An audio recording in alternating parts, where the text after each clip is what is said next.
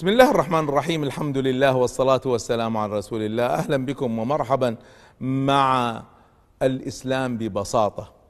ونفهم الإسلام ببساطة من خلال فهم أهداف الإسلام. وقد شرحنا ذلك. نفهم الإسلام ببساطة من خلال فهم القرآن. ونحن الآن في هذه المسألة. ومن أجل التبسيط في هذه المسألة نفهم الإسلام ببساطة من خلال فهم أبواب القرآن والفصول التي في القرآن والقرآن منهجيته هي منهجية الدوائر وليس السلسلة. فارجعوا إلى حلقة الدوائر والسلسلة لأنها مهمة جدا في فهم كيفية صياغة القرآن الكريم.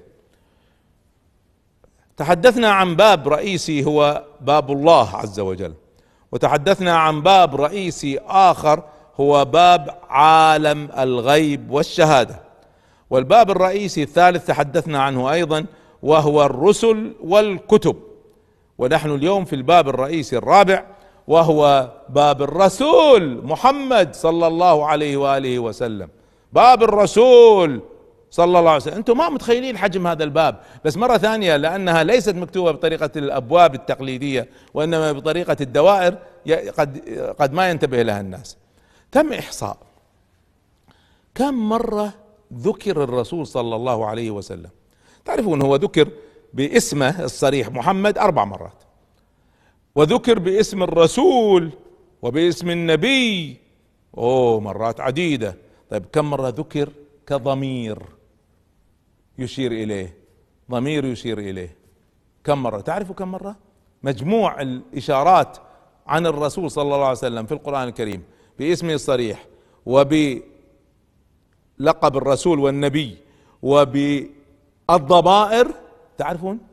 1200 مرة ذكر الرسول صلى الله عليه وسلم. عدد آيات القرآن الكريم 6600 آية تقريبا. 1200 آية تشير إلى الرسول صلى الله عليه وسلم. إيش رأيكم؟ 1200 مكان ذكر فيه الرسول صلى الله عليه وسلم. كم كم حجم هذا الباب؟ كم أهمية هذا الباب؟ ففقط العدد يشير إلى أهمية هذه المسألة. اذا هذا الباب خطير ورئيسي جدا. هذا الباب مقسم إلى فصول. الفصل الأول منه هو باب مكانة الرسول صلى الله عليه وسلم وخصائص الرسول صلى الله عليه وسلم. المكانه والخصائص. ما هي مكانته؟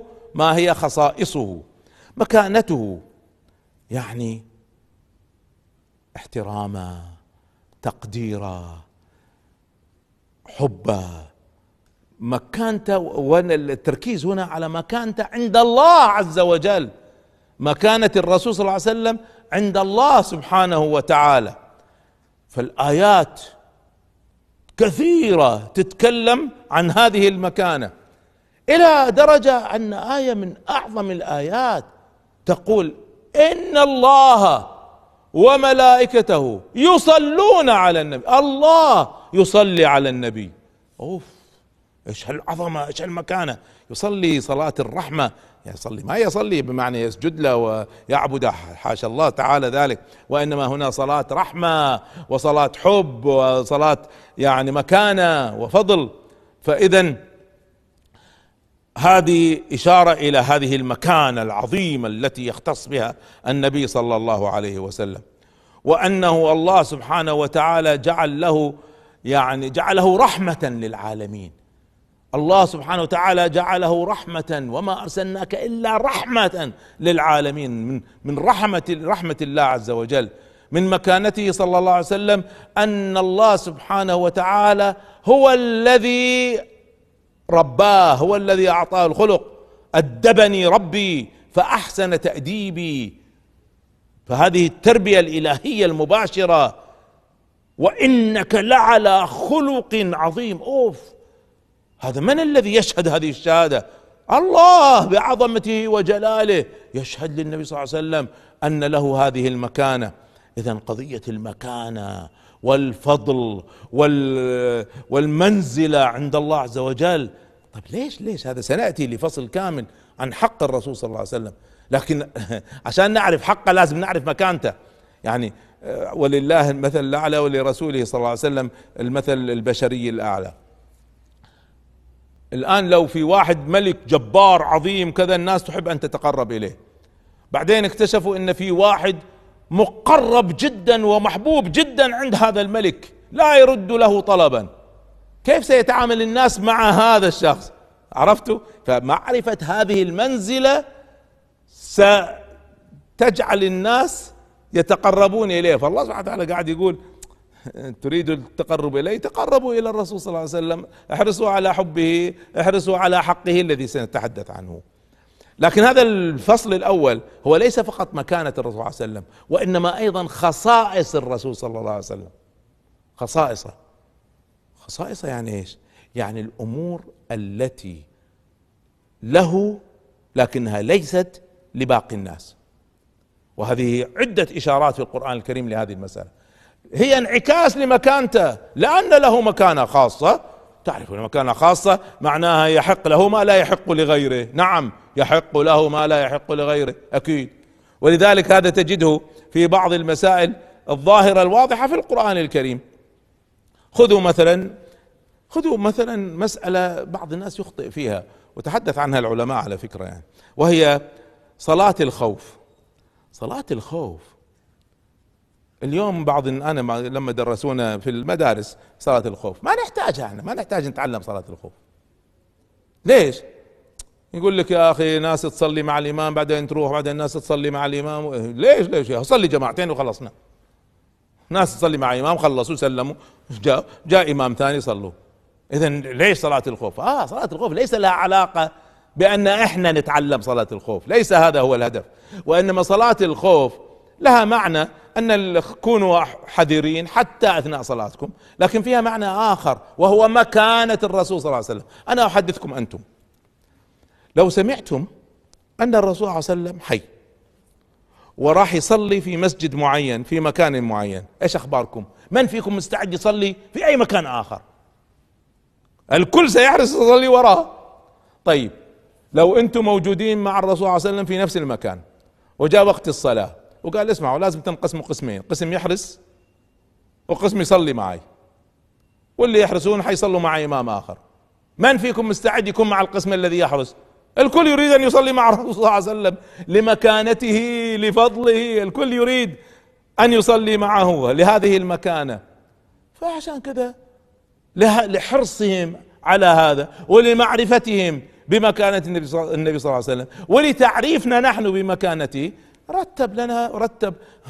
قال شوفوا اعرفوا مكانته من خلال صلاة الخوف. ولذلك الآيات كان الآية صريحة جدا. وإذا كنت أنت يا محمد فيهم فأقمت لهم الصلاة أنت أنت أقمت لهم الصلاة. فليصلوا وراءك. هؤلاء هم أنت. كل الآية أنت كاف كاف أنت الضمير العائد على النبي صلى الله عليه وسلم. لو لو أي واحد ثاني ما جماعة تصلي وتنتهي جماعة تصلي وتنتهي. لكن لن لن يقبل أحد بالصلاة إلا وراء النبي صلى الله عليه وسلم. هذا من خصائصه صلى الله عليه وسلم. إذا الآيات تشير إلى مكانته وتشير إلى خصائصه. طبعا تشير حتى إلى خصائص خاصة به تتعلق بأحكام فقهية. وهذه فيها معنى خطير الناس ما تنتبه إليه. الزواج. الله سبحانه وتعالى أحل للمؤمنين مثنى وثلاثة ورباع إلا النبي صلى الله عليه وسلم. ما يستطيع أحد يعترض. من الذي أحل أربع أو ثلاثة أو اثنين أو واحدة؟ من الذي أحل هذا؟ الله عز وجل. هو الذي شرع القانون هو الذي يكسر القانون. القانون بيده سبحانه. فقال اسمعوا اياكم أحد يبالغ. هذه القوانين ليست منكم هذه مني أنا. وعشان أثبت لكم هذه المسألة أنا من حقي أني أعطي استثناء وأعطيت استثناء لمحمد. ما يجوز لأحد أن يعترض. الذي يعترض على هذا سيعترض على الله وليس على هذا القانون. لأن من الذي وضع القانون؟ هو الله عز وجل. بعدين إن الله سبحانه وتعالى وضع أحكام خاصة كذا. عشان مكانته صلى الله عليه وسلم. فمن الأحكام الخاصة أن إذا امرأة وهبت نفسها للنبي صلى الله عليه وسلم. يعني بدون مهر بدون عقد يجوز له أن يأخذها. طبعا النبي صلى الله عليه وسلم كاد يفعلها لكنه لم يفعلها. لكن جاء أيضا حكم عكس هذا. ممنوع أي زوجة من زوجات النبي صلى الله عليه وسلم ممنوع تتزوج بعده. هذه من خصائصه ليش؟ ليش ممنوع تتزوج بعده؟ لمكانته. حفاظا على هذه المكانة وعلى يعني آه، نظرتنا ونظرة من يتزوج وراء.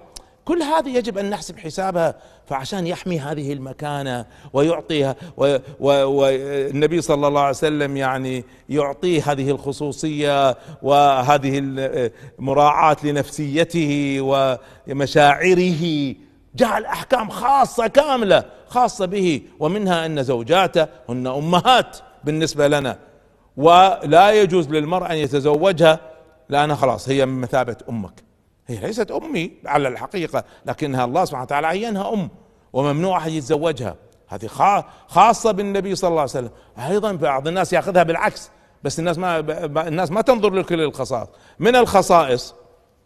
من الخصائص أنه ممنوع يتزوج بعد ما نزلت آية معينة بعدها ممنوع الزواج لا يحل لك النساء من بعد. ممنوع. ولا أن تبدل بهن أزواج. ممنوع تبدل زوجة بزوجة. خلاص ممنوع. خاصة فيك أنت. بس كافي. بس إحنا وصلنا الرسالة أقمناها. ليش هذه؟ عشان اللي يتكلموا أن حاشاه صلى الله عليه وسلم أنه يعني كان آه، كثير الزواج للنساء وكذا. لو أو أنه ألف القرآن عشان يستثني هذا. طيب لو كان كذلك ليش يحرم على نفسه هذه المسألة؟ ليش؟ ليش منع نفسه من أن يتزوج ولا يحل له النساء من بعد؟